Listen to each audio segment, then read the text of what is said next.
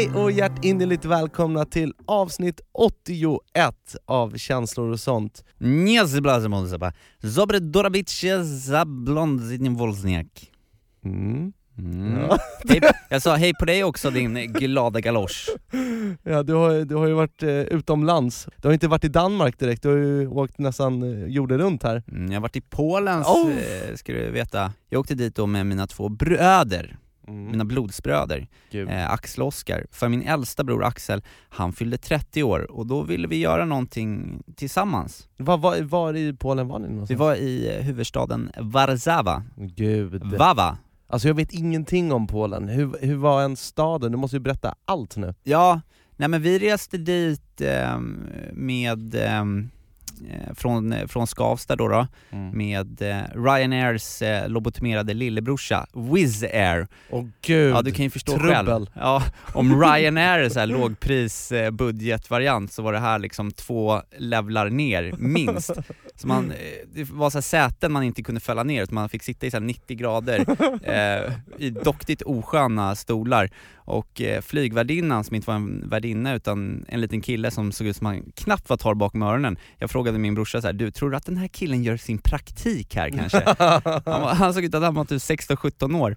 Och eh, när han drog säkerhetsgenomgången så satt vi hela tiden och eh, gissade om han nu pratade polska eller om det var engelska. Vi eh, landade ändå eh, behållna liksom så, förutom att en, en polsk gobbe fick i sig lite väl många drinkar på flyget så att han han var för full eller förfriskad eller hade hittat på något annat bus där på planet så att han blev eh, avledd liksom med handklovar och eh, uppsträckta i luften av polis när vi landade. Jag Va- hade, vad jag hade hade typ, gjort nej, jag, jag vet typ inte, jag hade typ missat det liksom. Mm. Eh, Men han hade gjort någonting, eller så var han efterlyst i Polen. Så det, bara där var det liksom spänn, spännande. Men du behövde inte göra den här alkoholkuren kuren som du och Fanny gjorde senast när ni åkte flyg. Nej, det, Nej. Den, den kom senare ungefär. Du Eh, sparar dig. Efter eh, 45 minuter efter landning, för då drog vi direkt in till eh, Gamla stan i Polen. Och eh, p- eh, Warszawa är ju en ganska cool stad, jag skulle säga att det är en liten blandning av eh, Berlin och eh, någonting annat. Uff, berest. Bara för att låta lite berest här nu. Men eh, staden bombades ju sönder väldigt mycket under andra världskriget. Eh, stora delen av är ju liksom uppbyggd liksom från scratch Mm. i princip. Och sen så finns det ju då i den här gamla stadsdelen så finns det ju väldigt många jättefina liksom bevarade gamla hus och där är det väldigt mysigt. Och där fanns det även väldigt många mysiga pubbar som man kunde gå in på, käka en liten pirog eller eh, någon inlagd grismage eller något annat kulinariskt polskt. Samtidigt som man kunde beställa in eh, roliga ölsorter på eh, polska ölsorter. Ja, vad blev det då? Ja, det blev en liten Wolsniak där, gånger två i i början. Eh, bara för att eh, liksom komma lite till ro. Ja. Eh, sen gick vi runt och kikade lite på historiska monument. Eh, vi var inne i, någon affär som var helt sjukt för att de, de sålde liksom massa artillerier, eller vad man ska säga, från andra världskriget. Så du kunde köpa en SS-hjälm till exempel, Nej. eller en hel nazistuniform. Va? Eller eh, du vet, gamla, gamla sedlar, gamla mynt, eh, liksom, du sku- skulle kunna köpa ett, ett storfett hakkors om du ville. Sånt som har liksom levt kvar och bara att se det liksom var lite så här, Läskigt. ja lite, väldigt läskigt. Eh, och efter det så fortsatte i princip bara en härlig pubrunda kväll där vi fick, ja men du vet, snacka gamla så här, ja men gamla minnen och eh, vad, vad vi var liksom, eh, ja men gå in lite på djupet liksom, brorsorna emellan. Samtidigt som vi njöt av den, den polska ölen. Får jag bara fråga om en liten detalj här. Mm. Hur många kronor? Oj oj oj. Nej men alltså en, en stor stark alltså, då snackar vi ett sto. Det är mellan 5 och 9 slotti, så att runt så här 15-20 spänn ölen liksom. Och det här kulminerade efter en god middag, eh, så eh, hamnade vi på eh, Vasniak Pivpav, en pub som hade 100 stycken ölsorter. Men gud. Alltså ta in det, 100 stycken. Ah, Och då var ju vi eh, väldigt glada i hågen och bestämde att vi måste i alla fall eh, prova hälften här. Och i och med att det inte det var billigare än bubbelvatten så kunde man ju lätt dra in en eh, sju, åtta stycken på rad. Wow. För det var- motsvarade ungefär en bärs här hemma i Sverige. En. Ehm, och eh, man blir också väldigt då generös när ölen är så billig. så att eh, vi började bjuda lite polacker på den här ölen och fick lite nya kompisar. Varav fyra stycken eh, polska snubbar med kastrullfrillor utmanade oss på ölhävartävling. Va? Så jag går den här första, första matchen mot en kille som heter Mischa och eh, eh, förlorade. Eh, sex, eh, fem och en halv sekund drog jag min bärs på. Vad gjorde han då som inte du gjorde? Han öppnade strupen på... Ja, jag hade, det var en, eh, en ganska bitter veteöl, jag vet inte, den, den, den var svår att eh, liksom få ner på djupet. Ja. Men då, då steppade lillebrorsan in. Han som faktiskt började avnjuta alkohol allra sist i, i, i livet liksom. Han kanske började för ett år sedan att, att smutta på eh, bira liksom. Min lillebror Oscar steppade fram. Vad du han drog ölen på? Fyra sekunder! Jag var stolt. Jag var stolt. Så han tog en, ena polacken efter den andra, gick upp mot eh, lillbrorsan Oscar och han sänkte de här ölen öl som, som en queen. Och i sista matchen så ställde de fram sin allra eh, bästa dryckeskille då, ölhävarkille på det här stället. Och Oscar totalt dominerade. Det var liksom en, alltså en 4,0 eh, sekunders eh, ölhävardrickning. Och efter det så ställde han sig upp så här. Sweden!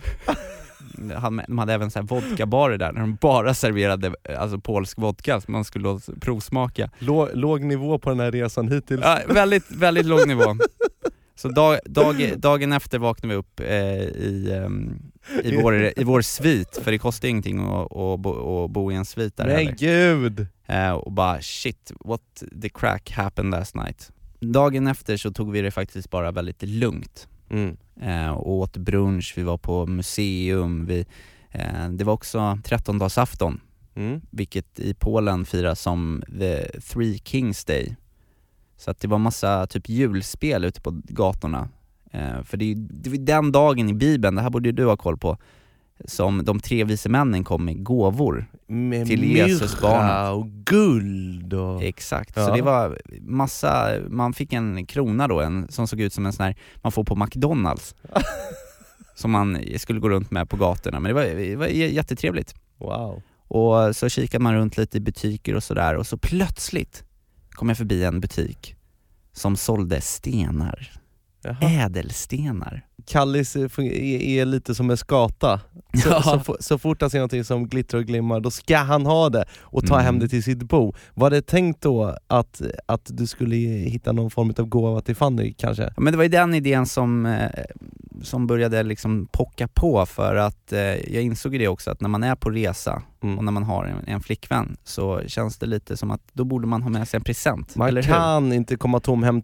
Och grejen är, jag har ju gjort det misstaget många gånger Mm. när, när ens tjej säger att nej men du behöver inte köpa hem någonting, det är, ing, det är ingen fara. Och bara, ja, okej då. Så gör man inte det. Och sen blir de besvikna Ja. därför man ska fatta att varje gång man kommer hem från en resa ska man ha med sig en present. Eller så blir det så att man får köra någon så här sista minuten på, i taxfree. För liten tisha med I love Mm. New York. Exakt. Ja. Så att eh, det var ju tur att den här eh, idén kläcktes då eh, i den här ädelstenebutiken. För där såg jag en fantastiskt fin eh, smaragd. Åh gud, smaragder. Och jag älskar ju ordet smaragd. Ja. Det smakar bra i munnen. Och den var eh, grön. ja, de är ju det ofta. Ja, jag vet inte. Ja, den här... Safirer är blå, Aha. smaragder är gröna. Ja okej, ja men då tänkte jag i alla fall, den här är grön, eh, Fannys ögon är gröna, så då, Men då fick jag ju ihop det där att det här, eh, den här kan jag ju ge bort sen. Eh, och, ehm, och då s- säga att eh, älskling, du är min smaragd eh, och du har ögon som lyser som den här ädlaste stenen. Och nu är ju bara då problemet när jag har fått hem den här då, att eh, jag måste ju försöka sätta den här då på någonting. Ja för att det blir lite wack att bara ge en liten, liten eh, liksom två millimeter stor sten kanske. Ja den är lite större, den är ungefär som, ja men halva min nagel här liksom. Ja okej, så vad är, vad är tanken då? Nej men jag funderar på om man skulle kunna göra, eh, sätta ett, eh, ett, en, en kedja på det, göra det till ett eh, fint halsband. Åh, Och tur är ju då, här kommer min nästa grej som bara, fan vad flyt man har. Det är ju det att vi är ju, samarbetar ju med Sver Sveriges och kanske hela världens bästa smyckesbutik, Guldsmedarna Guld. Så jag undrar ju då om man kanske skulle kunna ta och eh, snacka med Patrik där. Såklart. Patrik ställer ju upp, det ja, vet vi det är ju det, är det som är så grymt med Jämp Guld. De är ju de är alltid, alltid där och som eh, en familjemedlem som man kan snacka med. Ja, och de har ju miljarder av eh, produkter i affären och på nätet. Men har man ett önskemål och man har en bra idé så tar ju Patrik och hela Jämp Guld-familjen till sig de här idéerna i hjärtat och kan specialdesigna smycken. Så det tycker jag låter som en superbra idé Kallis. Eller hur? Jag surfade in också på eh, Jämp eh, Gulds hemsida www.jämpguld.se och upptäckte att de har ju faktiskt en egen ringkollektion också Mm. som heter Jämp Blomstra där de har eh, designat eh, och tagit fram ringar som, är, eh, som man inte hittar någon annanstans. En ring som jag eh, fastnar för lite extra som man måste kolla, den heter Azara Gud. med Z. Och sen finns det en som heter Lilja också som är fantastiskt vacker. Så om du eh, håller på och är lite i eh, ringtankar, kan man säga så? Förlovningstankar. Ja, och eh, vill scouta runt lite, gå in på jampguld.se och kolla deras hemsida. Det är väl värt det. Och vi säger också tusen miljarder tack till Jämp Guld som sponsrar oss. Men du Niklas, nu har jag varit ute och rest lite granna. Ehm, bara en liten kortis där av en weekend. Men du, du har ju rest hela livet. Mm. Inte utomlands då, det är du lite rädd för, men eh, i, i Sverige och genom livet kan man säga. Ja det har jag ju faktiskt. I jag, musikens tecken. I musikens tecken. Och, och som de flesta som har lyssnat på podden eh, vet så är jag ju artist under artistnamnet Niello. Kalle brukar säga Nailo ibland när han Ja. skojar med mig. Mm. Och för mig så har det hänt en otroligt stor sak igår. Alltså en otroligt stor sak. Och för ett år sedan så rev ju jag kontraktet med Warner och den eh, tiden liksom var, var förbi. Mm. Och jag, jag stod väl lite i valet och kvalet därför att det hände ingenting på Warner i slutet. Jag bara, men jag kanske måste göra det här själv. Mm. Jag måste kanske hitta andra samarbetspartners. Så då släppte jag ju en singel i somras som ni kommer ihåg i podden också som hette Sista Ordet Med Robin Stjernberg. med Robin Stjernberg. Eh, och det var också kul, men sen har, sen har jag jobbat i tysthet. Jag har inte Mm. berättat nästan någonting om musiken, vad jag har gjort det här året. Nej. Men här kommer det då, bomben! Jag har jobbat på ett album i nästan två år. Mm. Och, och nu sen några, några månader tillbaka så har jag gått runt till diverse olika skivbolag därför att nu vill jag ha nya samarbetspartners, nu vill jag eh, ta nya tag och släppa det här. Och jag, de här mötena nu när jag är 30 trodde jag var du vet, jag hade fortfarande kvar det här i bakhuvudet att fan det kanske är omöjligt, jag kanske är för gammal nu liksom, för nu är jag ändå Mm. 30, jag ska få barn, jag vet, jag vet inte hur någonting kommer bli. Nej. Nog fan blev jag förvånad när jag fick då ett mail tillbaka från Sony Music. Är det klappat och klart? Det är klappat och klart. Jag eh, skrev på kontraktet igår. Jag ska släppa musik och jag har fått skivkontrakt! Un, deux, trois! Un, deux, trois! Grattis Niklas! Jag är 30! Och du har fått kontrakt! Du är signad! Kolla på dig! Kolla på mig! Jag Fy fan, det är klart nu alltså. Det är klart nu. Du är en riktig stjärna du alltså. Fy fasen vad du har jobbat för det här och Ja, men jag, jag är så jävla och nu glad. betau, betaular det sig, äntligen. Stort grattis kompis. Du har ju haft en, eh, en, en jobbig tid ändå eh, nu se, senaste. Eh, Och du har ju varit, för de som inte vet det, har ju varit, ehm, eh, du har ju gått in i väggen och varit deprimärt under en längre tid. Och så har det varit lite upp och ner. Men jag skulle egentligen bara vilja veta hur du mår eh, just nu. Mm. Det är väl sånt vi vänner pratar om. Ja, såklart.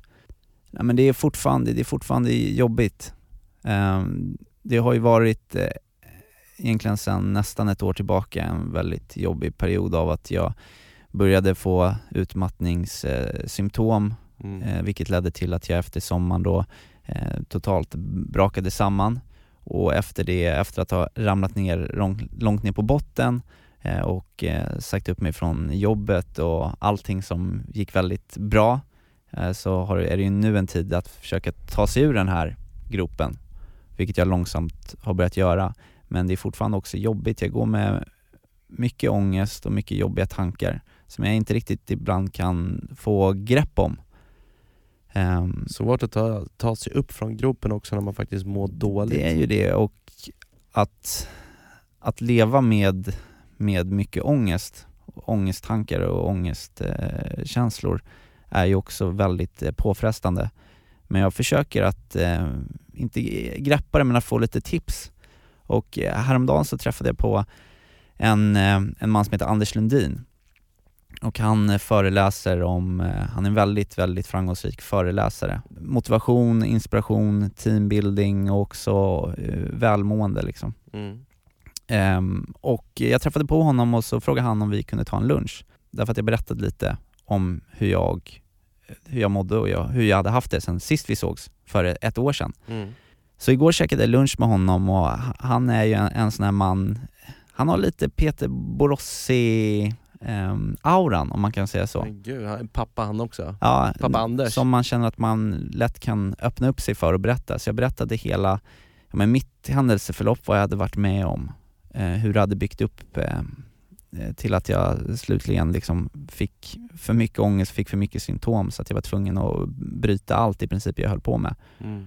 Och nu lite min, min väg tillbaka och hur jag känner, eh, de känslor jag har, eh, att det är, det är jobbigt att komma tillbaka därför att dels så blir ens självförtroende ganska stukat. Mm. Dels så blir det jobbigt när du har kanske varit på, man ska säga, i toppen liksom och allting har gått så himla bra och eh, man har glänst liksom. Mm. Och eh, folk har eh, men dunkat den i ryggen och tyckt att man var himla bra och sen så blir, blir man borta från det ett tag och märker hur det kan bli ganska tyst från väl, väldigt många. Mm. Det är också en väldigt jobbig. Och, att de vänder dig ryggen liksom? Ja, och, och den lite bitterheten, ångest man kan känna bara över att, att det gick så långt och att man själv utan att man, man egentligen visste vad som hände med den, att, att, eh, att det blev som det blev. Mm. Och då när vi pratade om det här så tog han fram tre saker som, jag, som han tyckte att jag skulle tänka på. Mm. Som tre ben just eh, för att tampas med ångesten och ta mig ur det här på ett bättre sätt. Och det första var acceptans och han liknade det som att folk som håller på med eh, djupdykning, mm. fridykning, att ibland när de kommer ner på djupa botten så kommer det liksom så strömmar. Mm, och då kan man ju drabbas av panik liksom för att man inte kommer upp till ytan och så simmar man på utav helskotta mot den här liksom strömmen. Men det går inte. Så till slut så liksom, det bara går inte. Strömmen är för stark. Den är för stark. Och det man ska göra då för att klara sig är ju istället att åka med i strömmen, mm. acceptera den, tills att det blir lugnare och man kan simma upp ur den liksom. Mm. Och det liknade han med så här ångesten också, att när du får den här ångesten, så acceptera det. Ja, nej men nu mår jag, nu mår jag skit. Kämpa inte emot. Nej, kämpa inte emot och försöka um, som jag gjorde väldigt länge med att hålla upp en, en fasad ja, och bara, det. nej men det är bra. Ja. Det, är, det här det, det, det fixar sig och kämpa på, kämpa mot den. Trycka ner den liksom, för att till slut, du kan inte hålla dig inom det. Utan låt det verka ut och acceptera att fan, just nu mår jag piss. Ja, det är ju inte farligt, ångest är inget farligt, det är ingenting du dör av liksom. Nej. Men även om det kan kännas så. Så det var hans första tips. Vilket, ja, sjukt bra, vilken fin liknelse också. Och hans andra tips var ju att få, att försöka ha ett så kallat helikopterperspektiv. Och det här låter ju som så väl, väldigt basic saker, men när man är inne i jobbiga tankar och grubblerier så är det lätt att man bara ser liksom just det här framför en liksom. Mm.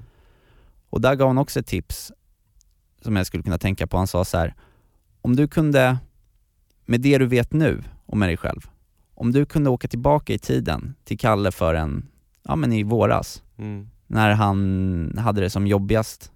Om du kunde ta det du vet nu och åka tillbaka till honom och, och säga hur, eh, hur det skulle bli. Tror du att han skulle lyssna på dig? Och då tänkte jag på det och så tänkte jag så här, nej men det skulle jag nog inte ha gjort. Mm. Jag skulle nog bara sagt, nej men lägg ner, jag klarar det här. Men med den vetskapen, om vi tar då Kalle om 20 år, om jag tänker att han finns, mm. och jag vet med mig det här nu. Om jag träffade honom nu och han sa till mig att det kommer att bli bra, då kanske jag skulle lyssna liksom. För att jag vet med mig det här nu och jag har det här med mig i, i ryggsäcken. Vad skulle Kalle om 20 år säga till Kallis i, idag, tror du? Nej men jag tror att han skulle säga att, eh, vet du vad? Det kommer att lösa sig, alltihopa. Och så skulle han nog säga det som också var eh, han Anders liksom tredje grej jag skulle ta med mig. Mm. Och han sa det här, om du, om du svarar fel på den här frågan så, så klappar jag till dig. Han sa så här, Kalle, duger du? Ja, det gör jag. Det var ju rätt svar. Och det är ju det tredje också då, att du, du duger. Du duger som du Du är. duger och du har talang och du ska veta med dig det. Vilken kille den där Anders verkar vara. En riktigt, eh, eh, riktigt bra kille. Och jag vet att det låter, det är just det här, den grejen att det låter så himla basic, kanske när man pratar om det, men det är ändå, jag tror när man, när man har ångest och går i de här tankarna, när någon kommer utifrån och ändå lyfter bara de här enkla grejerna, lättar upp lite knutarna som, som samlas i ens eh, huvud liksom. Mm. Jag tror att du kommer må bra så småningom Kallis, vet du varför? Nej, För att du är en krigare I'm a warrior. och du duger precis som du är. Tack Niklas. Men, eh, men Kallis, det är ju inte bara Anders Lundin som är bra på att blassa och komma med bra tips och råd. Vi har ju en, en pappa Borossi också som återigen den här veckan ska, ska blessa oss och hela Kos-familjen med lite, med lite visdom. Mm. Vi pratade med honom eh, häromdagen och han har ju som bekant varit med om både toppar och jävligt djupa dalar i livet. Han har ju på något sätt tagit sig igenom det här och när han är nere på botten så har han eh, liksom hanterat det här på ett speciellt sätt. Och jag tänker att vi ska lyssna på hur han har gjort för att då ta sig ur de här djupa dalarna och groparna i en lugn stund med Peter Borossi. En lugn stund med Peter Borossi. Vad gör man när livet är tufft? Ja, livet är tufft. Men det innehåller så himla mycket positivt också. Det gäller att komma ihåg det i stunder av motgång. Oftast är det ju så att när man drabbas av en motgång i livet så kommer det flera, eh, liksom som ett stim, efter varandra. Men det jag alltid påminner mig om är att när det väl kommer sen eh, positiva saker i livet så kommer även de i stim. Och livet är ju sånt. Det är både medgång och motgång. Jag lärde mig en gång på vägen när jag blev besviken, när jag inte riktigt nådde dit jag ville i mitt arbete. Jag lärde mig en sak. Att inte drabbas av hybris, att inte tro att jag är världens bästa när det går bra. Att få distans till att man har medgång. Då blir det lättare också att ta motgången när den kommer. Men det är aldrig lätt att ta en motgång. Och vad ska man göra för att orka med och ta motgångar? Ja, motgångarna är ju en del av livet och det gäller att lära sig att leva med dem. Men vet du vad? För den skull så ska man aldrig, ska man aldrig tappa sina drömmar. Det man drömmer om, då ska man fortfarande klamra sig fast vid. Och du, hur når man då dit man vill? För det gäller att vara målmedveten om man drömmer om någonting. Små, små steg som man eh, mäter upp för att nå målet. Steg för steg för steg. För du vinner inte världen på en gång. Det krävs att du skriver ett antal hundra låtar innan du blir den som, som folk kommer att komma ihåg. Så mitt råd är, glöm aldrig dina drömmar. Sätt upp delmål och klappa dig själv på axeln när du når dit. För ett steg mot slutmålet är ett steg i rätt riktning. Glöm inte det. Och du? Var sann mot dig själv.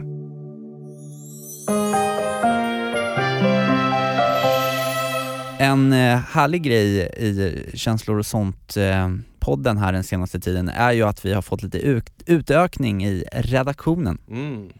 Eh, det är en kille som heter Fredrik som eh, jobbar här på Bauer Media och som hade börjat lyssna på vår podd och så hade han massa idéer och var så himla engagerad i, i det vi gjorde med den här podden. Så att eh, vi släppte in honom i studion och sen har han varit med, hjälpt till med lite klippning, kommit med idéer och suttit med och, och gössat här, eh, några avsnitt. Och det känns fantastiskt kul. Och nu är han med oss Mm. i studion, därför att Fredrik, Ja. du har ju, eh, ja, men du har ju fått den stora äran att läsa upp eh, veckans känslodilemma. ja, det är ett stort ansvar. Ja. Varmt välkommen Fredrik Ja. Tack så mycket. Vi, kan, vi, vi, vi kan väl ge Fredrik en stor fransk applåd? Det tycker jag. Un, deux, trois! Un, deux, trois! Ja, den blir svår att lära sig men jag ska få träna på den. Ehm, ja, vi har fått in ett mail här ehm, från en tjej som eh, har lite problem med sin kille. Mm.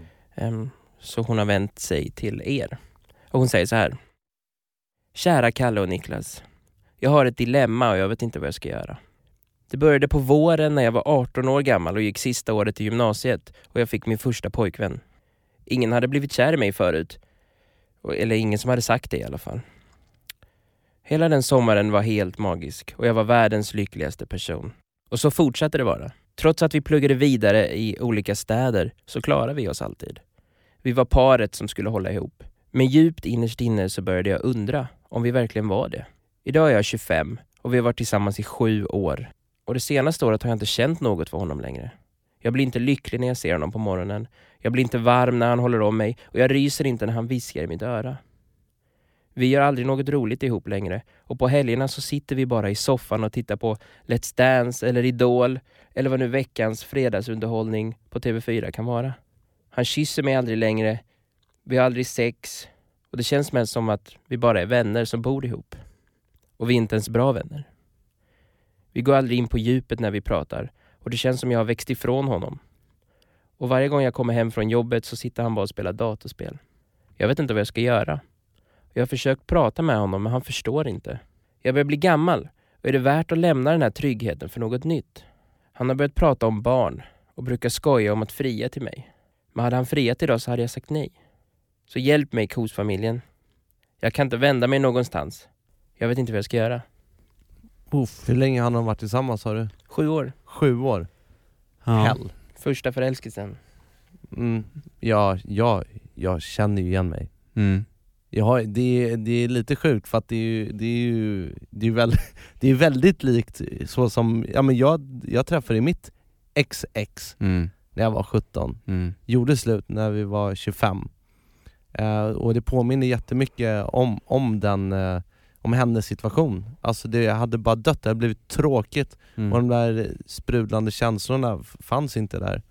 Men det är frågan, alltså så här, jag rent spontant känner jag att bara, men gör slut då. Mm. Varför gör hon inte slut? Lyssna på dig själv. Kolla vad du skriver. Mm.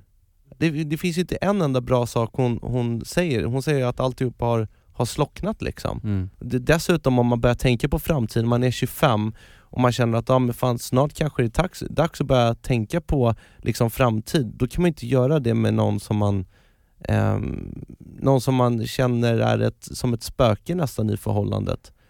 När, när alltihopa är kallt bara. Samtidigt så f- har jag ju hört talas om någonting som är just, heter just sjuårskrisen. Jag vet inte hur mycket det ligger i det, men om man vänder på det också och tänker att man ska tänka att vad var det som gjorde att jag blev förälskad i den här personen? Mm. Och att det ändå, för det är det jag tror hennes dilemma är där, att det någonstans i bakhuvudet ligger det där kvar liksom, att det har ju varit så himla bra. Mm. Och går det, den här, var, var, var, när ska man sätta ner liksom foten eller gå vidare då? Mm. Fin, finns det ett sista halmstrå som skulle kunna vända det här? Ja, men om, om de har haft det bra Mm. och hon skulle vilja ha tillbaka det som har varit en gång i tiden Mm. så finns det ju bara liksom ett sätt och det är ju, det är ju att prata om det. Mm. Det låter basic, vi säger det om och om igen, men prata om det och, och se om man kan komma på en lösning för att få det så, om hon vill fortsätta kämpa med honom. Mm. Men, men ni är båda två in, inte beredda på att lägga ner, för det kommer ju vara ett jävla arbete liksom. Ja. För att liksom lappa ihop det här sjunkande skeppet och få det att flyta igen ordentligt. När de redan har gått ner så pass långt i den här kylan som det verkar vara mellan dem. Mm. Vad säger du Fredrik?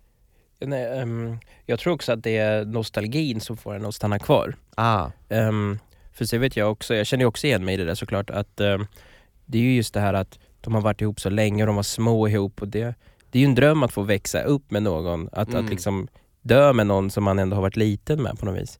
Ehm, så det är väl det som också gör att man vill stanna kvar i det tror jag. Men jag vet inte, jag tror jag har varit på båda sidorna av det där. Ehm, men jag tror, att prata med honom och går inte det så man måste ju få vara lycklig. Man kan ju inte heller leva på gamla meriter. Nej. verkligen. Men jag undrar också om, om man då har det här snacket, de kanske inte har haft det här snacket heller innan, det vet vi inte. Men om de inte har det, Mm. så kanske inte han fattar heller att, att, att han liksom är en dålig kille för henne. Att han, man måste ju skärpa, man måste ju vårda ett förhållande. Mm. Han, han kanske tänker på samma sak. Ja precis, exakt. Det kan ju finnas saker som han känner med henne som inte funkar och så går man där och ingen tar riktigt upp det, utan Mm. man eh, liksom eh, vandrar runt het gröt. Svårt, svår situation.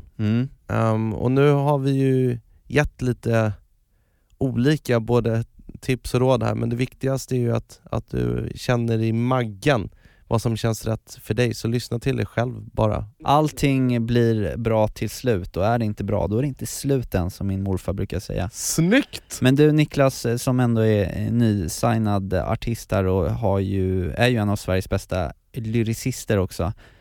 Kan inte du ta och skriva ihop någonting om det här temat lite baserat på känslodilemmat Ska som jag? vi fick in? Ja, och Ah. kan, i veckans freestyle, det hade varit så fint. Jag är ju jag är ju full på eh, självförtroende så jag kan Mm. nog plita ner någonting Mm. snabbt. men det är jättegärna, det gör jag med glädje. Så eh, vi snurrar väl igång eh, vignetten till Veckans freestyle. May I have your attention, please? May I have your attention, please? Will the real Slim Shady please? I repeat, will the real Slim Shady please stand up? We're gonna have a problem here. Det kommer att lösa sig men du måste bara gössa in den.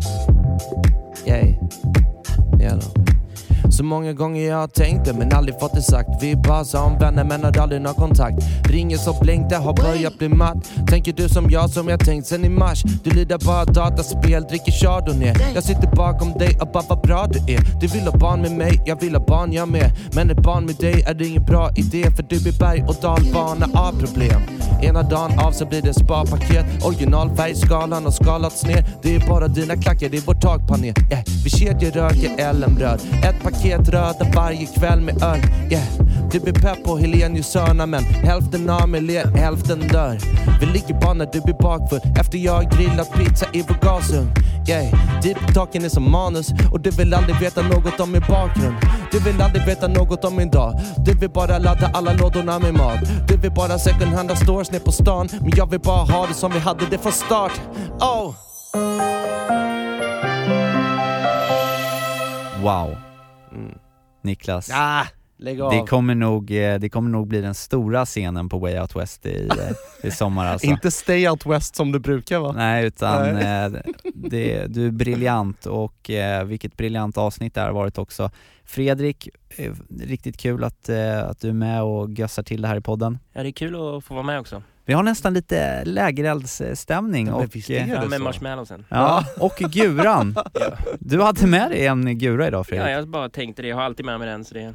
Kan, vi inte, kan man inte bara klinka igång något så, Vilken jävla trobbadur han är Ja. ändå Fredrik ett litet outro här, vad säger ni pojkar? Ja!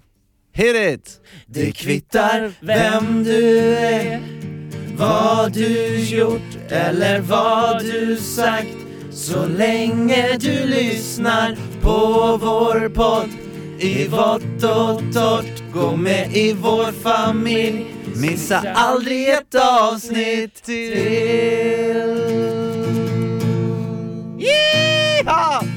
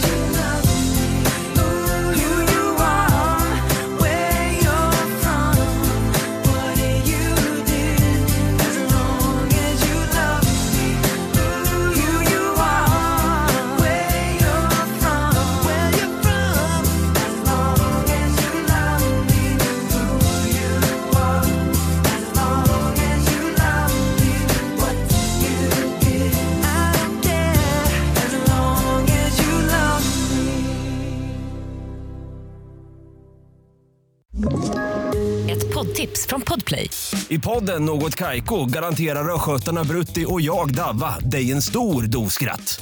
Där följer jag pladask för köttätandet igen. Man är lite som en jävla vampyr. Man har fått lite blodsmak och då måste man ha mer. Udda spaningar, fängslande anekdoter och en och annan arg rant. Jag måste ha mitt kaffe på morgonen för annars är jag ingen trevlig människa. Då är du ingen trevlig människa, punkt. Något Kaiko, hör du på Podplay. Därför är gardinerna.